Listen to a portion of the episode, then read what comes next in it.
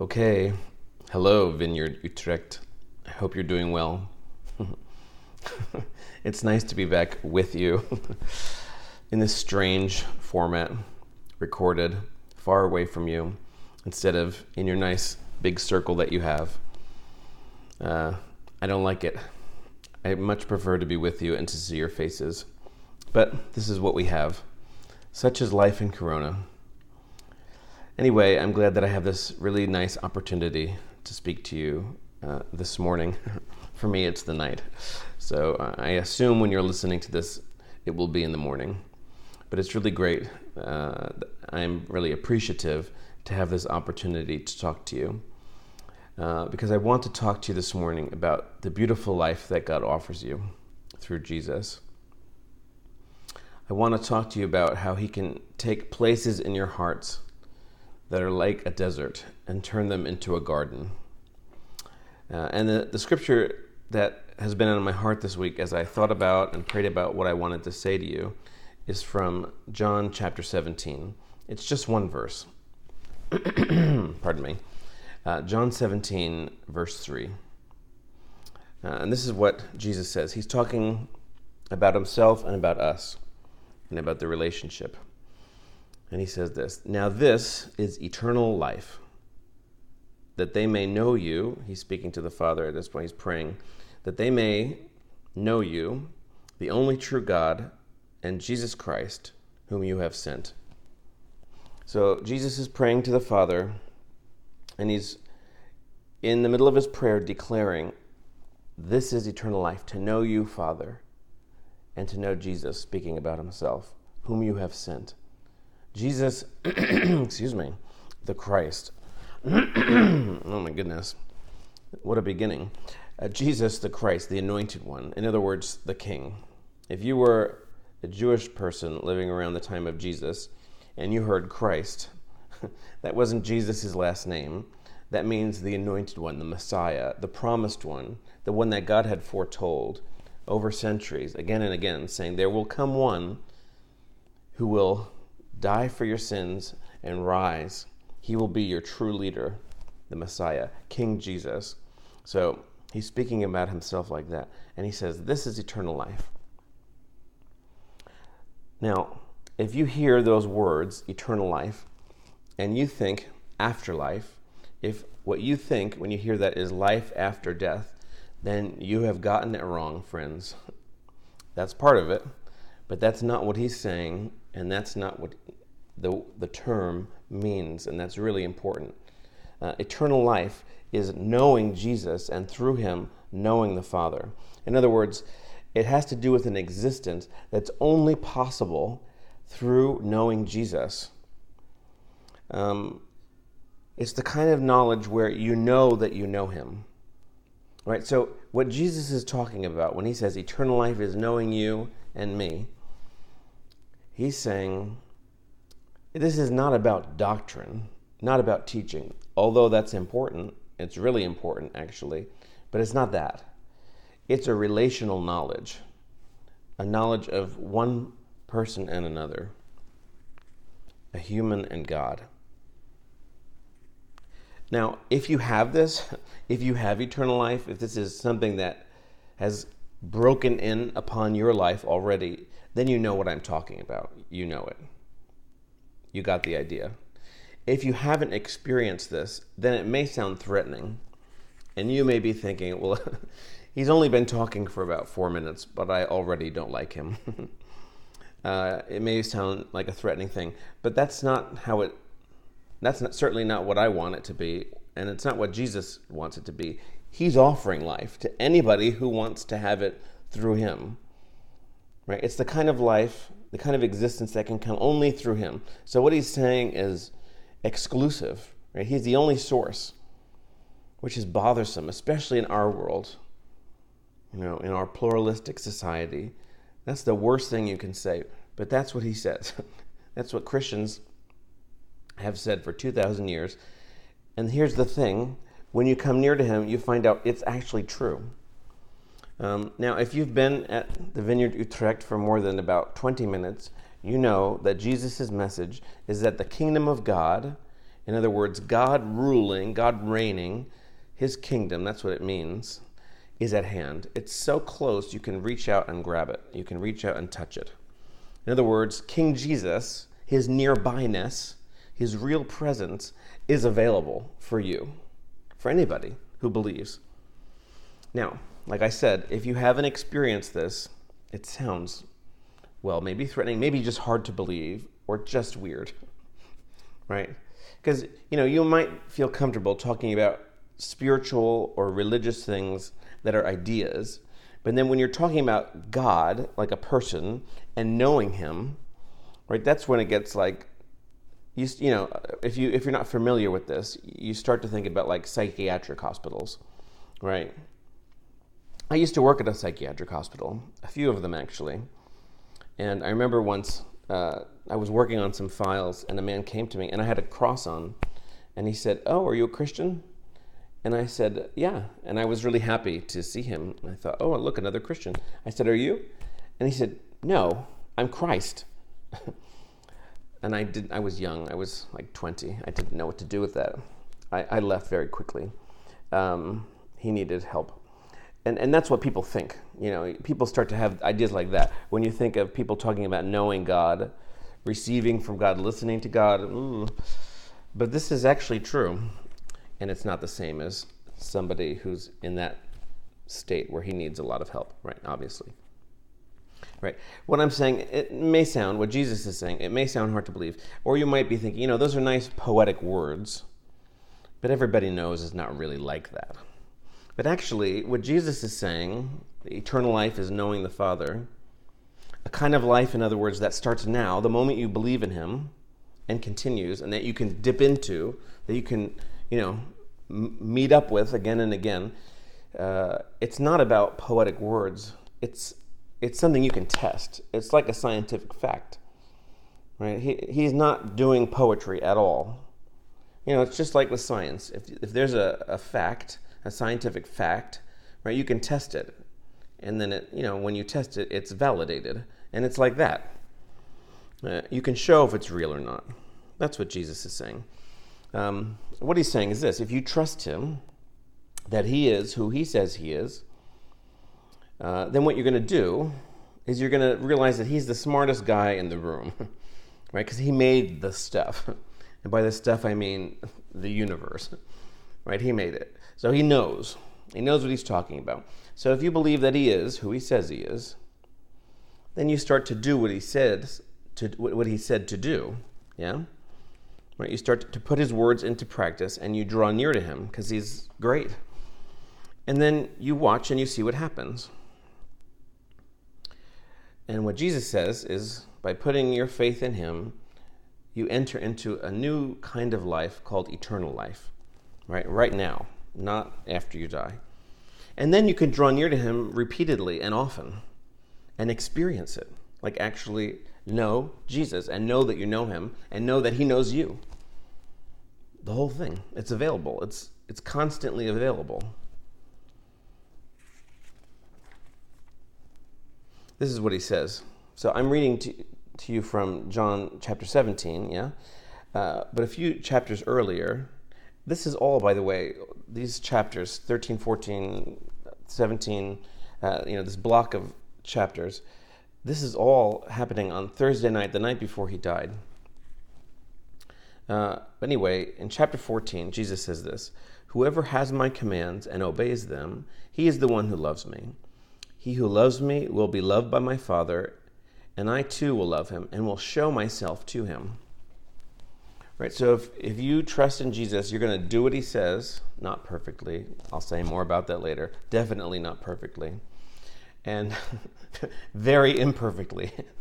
if you have any honesty, you'll know that. Right? You're going to do what he says, and then he's actually going to show himself to you. Not necessarily like visually, though that happens. Uh, I know people to whom that has happened, but he will reveal himself to you. And that's true. Uh, when I was reading this passage earlier this week, thinking about what I wanted to share with you, it made me think about when I first became a Christian. Because I got saved, and some of you heard this, I don't know, I said it a few times probably at your church. I got saved by myself in a room alone, reading the Bible. And I didn't have anybody to tell me, like, this is what you should do now that you're a Christian. Nobody was there for me. But in the weeks that followed after I got saved, uh, my cousin, who found out that I had become a Christian, gave me a Bible. And it was sort of like a Bible that was good for teenagers. It was like a little simpler than the normal adult Bible. And because I was only 12. And I started to read the Bible, and I would have these you know, I, I, there was a period where I was reading the Bible a little bit every night, alone, you know, my, by myself in my room, and it was like the room would be filled with. I don't. I didn't have words for it then, but now I would. Now I would say the room was filled with glory, like it was like this. Here's here's some poetic words. Like this invisible light was shining really brightly in the room. It was like the light was turned on. Like there was just the goodness of presence, the goodness of God, His presence was really palpable. You could feel it. I felt loved. I felt, I knew he was there. I felt he was near. He was near, and I knew it. Uh, this is what Jesus is talking about. I will show myself to him. I was seeking God, and he was seeking me. I knew him already. I knew Jesus already.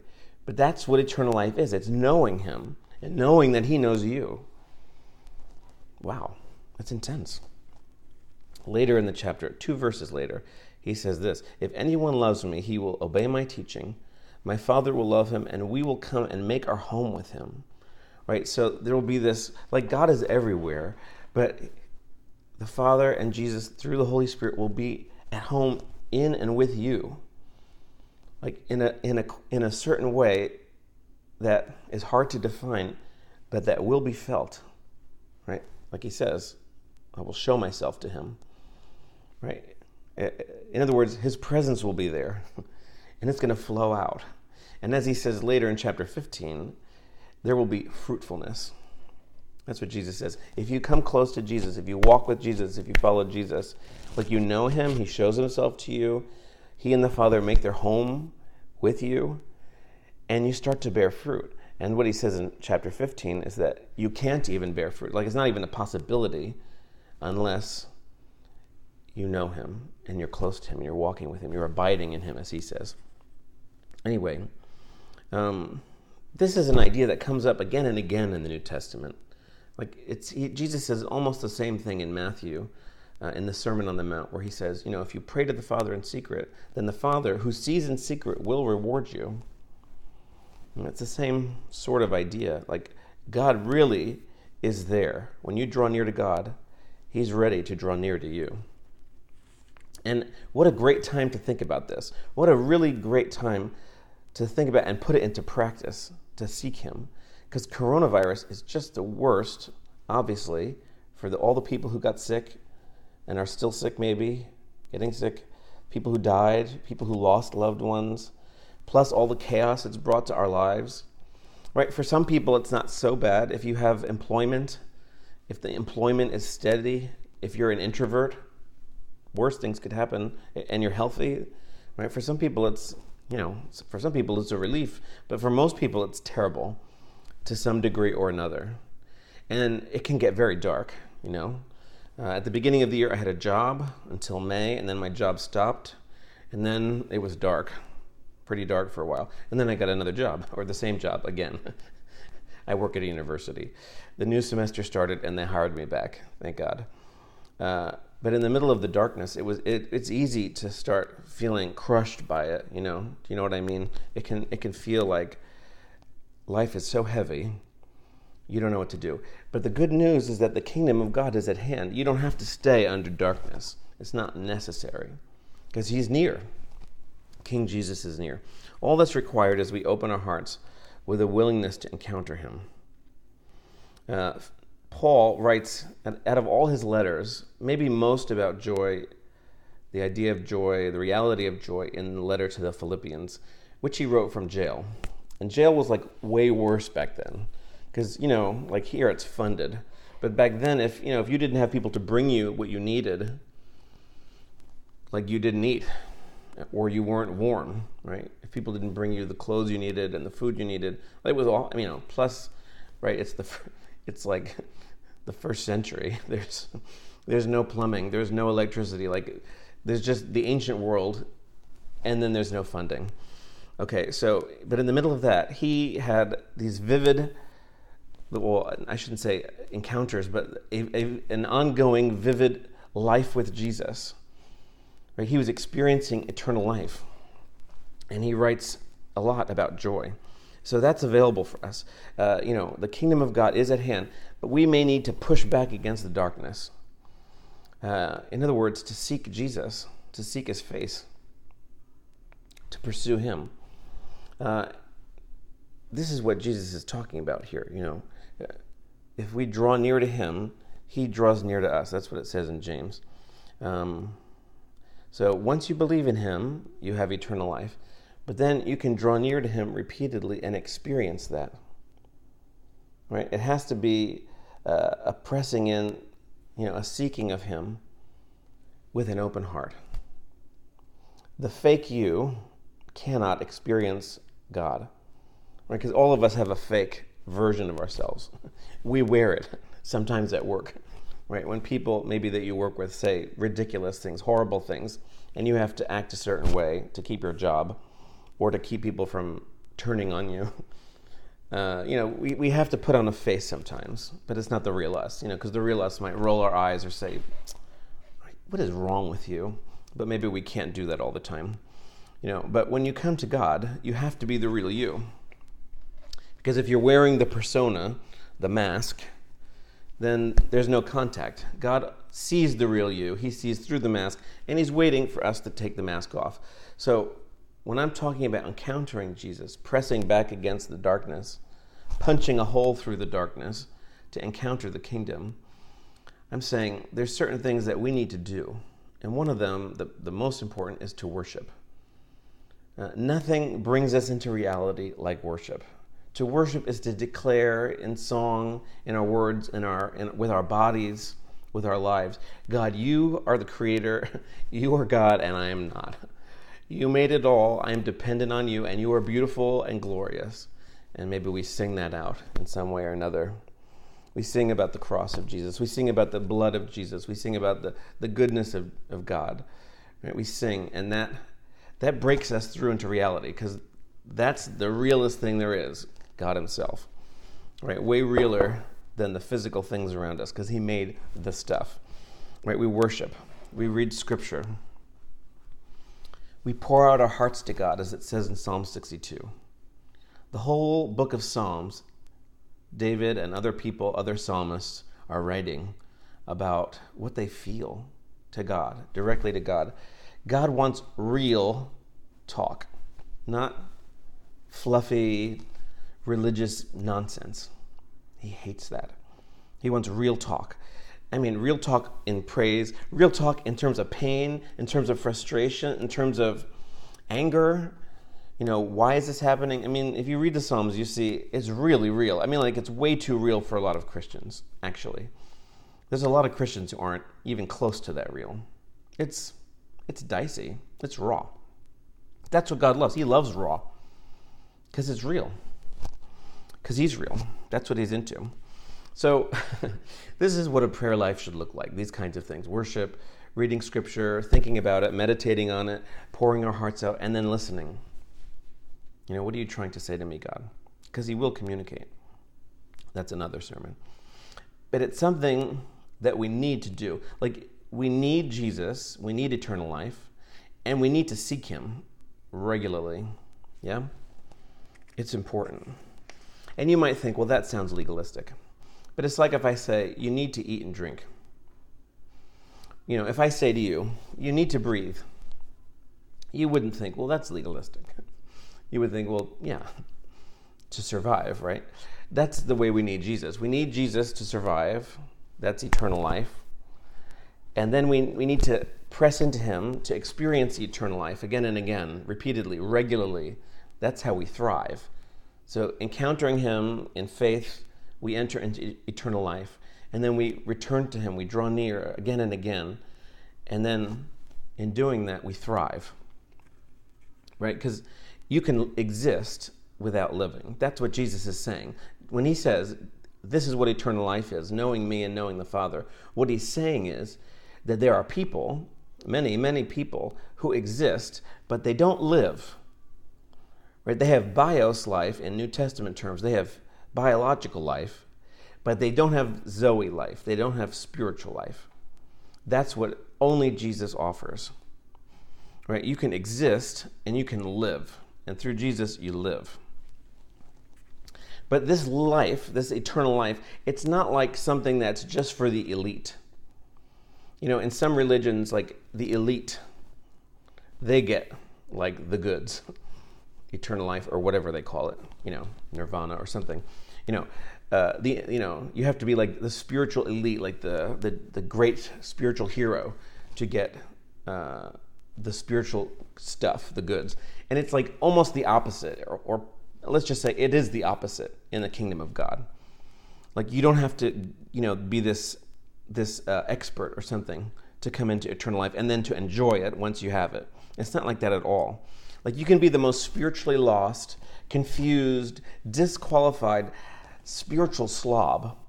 Like you can be the worst, most awful person and come into eternal life just like this by trusting in Jesus and following him. It's really like that.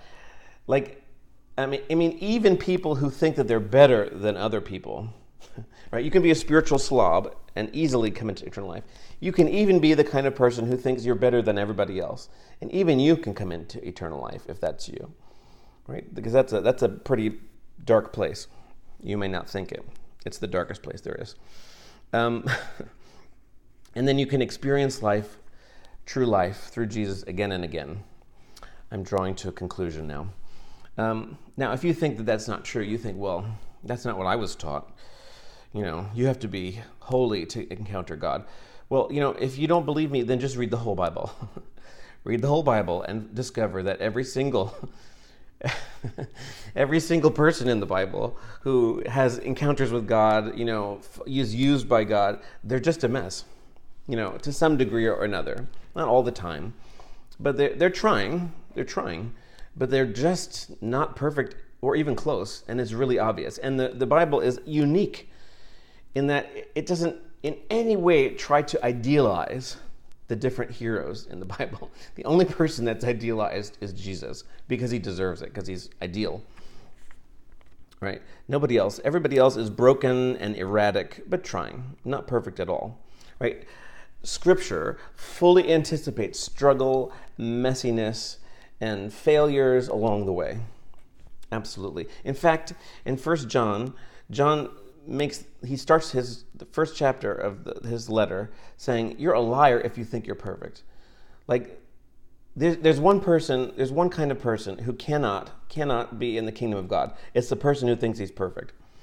Right? So if you struggle with that, if you struggle with condemnation, you struggle with guilt, you feel self-condemned, well, you know what? Jesus died for that. He was rejected, so you don't have to be rejected by God. Simple. He was condemned, so you will never be condemned if you trust in Him. Okay? That's not God's thing, guilting you, pouring on guilt, make, wanting you to whip yourself. No, He hates that.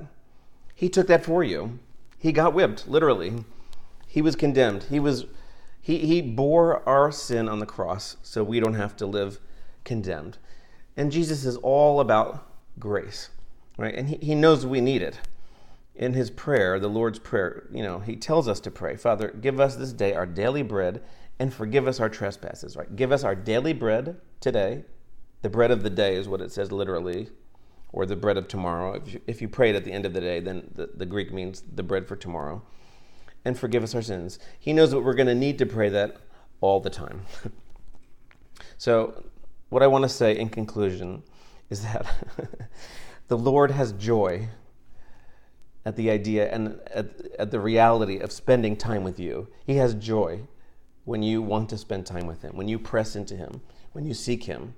First, you know, He has joy in giving you eternal life. But then once you have it, when you press in and you, you, you go away by yourself and you spend some time with Him, you worship, you read the scripture, you pour out your heart, you listen, all that he loves that. And how do I know that? Because when you do it, you feel it. Right? You you enter your prayer room one way, your we like to say in English for some weird reason, your prayer closet, as if people prayed in a closet.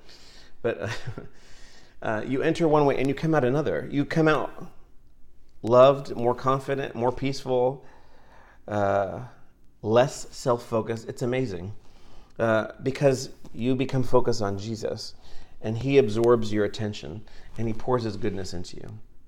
I've actually gone over my time and I'm, I'm sad about that. But let me pray for you. Oh Lord, I thank you so much for your real kingdom, which is at hand, and your real presence. And I thank you, Lord, that um, you want to meet people in the middle of this awful season that the whole world is going through. You are as real and as glorious as you've ever been, and you can meet anybody at any point. All you're looking for is open hearts. So I ask, Lord, for those people who have a hard time putting the mask down, who have a hard time believing that you're going to in some way encounter them, to, given the extent of the darkness. Oh Lord, I ask you to break through. Lord, it's so easy for you, and you're so happy to do it. So please do it. Lord, do it today. Meet your people. Meet these people. Lord, encounter them and sweep them up into your arms. I ask for that, Lord. And I thank you that you're so happy to do it. And I pray your ministry, the ministry of your kingdom, and healing of body and soul and spirit and relationships and lives would continue in this church. Thank you for Vineyard Utrecht. I pray you'd bless it. I pray it would become stronger through this season. And I, I, bless the leadership and all the people there, Lord. And I thank you that they're all important to you, that we're all le- at, on level ground at the cross. And I thank you that everybody there knows that. And we all come to you in need, and you're so happy to meet us. And so I just thank you for hearing this prayer. I trust you to hear this prayer, Father, in Jesus' name. Amen. God bless you. I hope I can actually see you again soon, at some point, before too long, anyway. bye bye.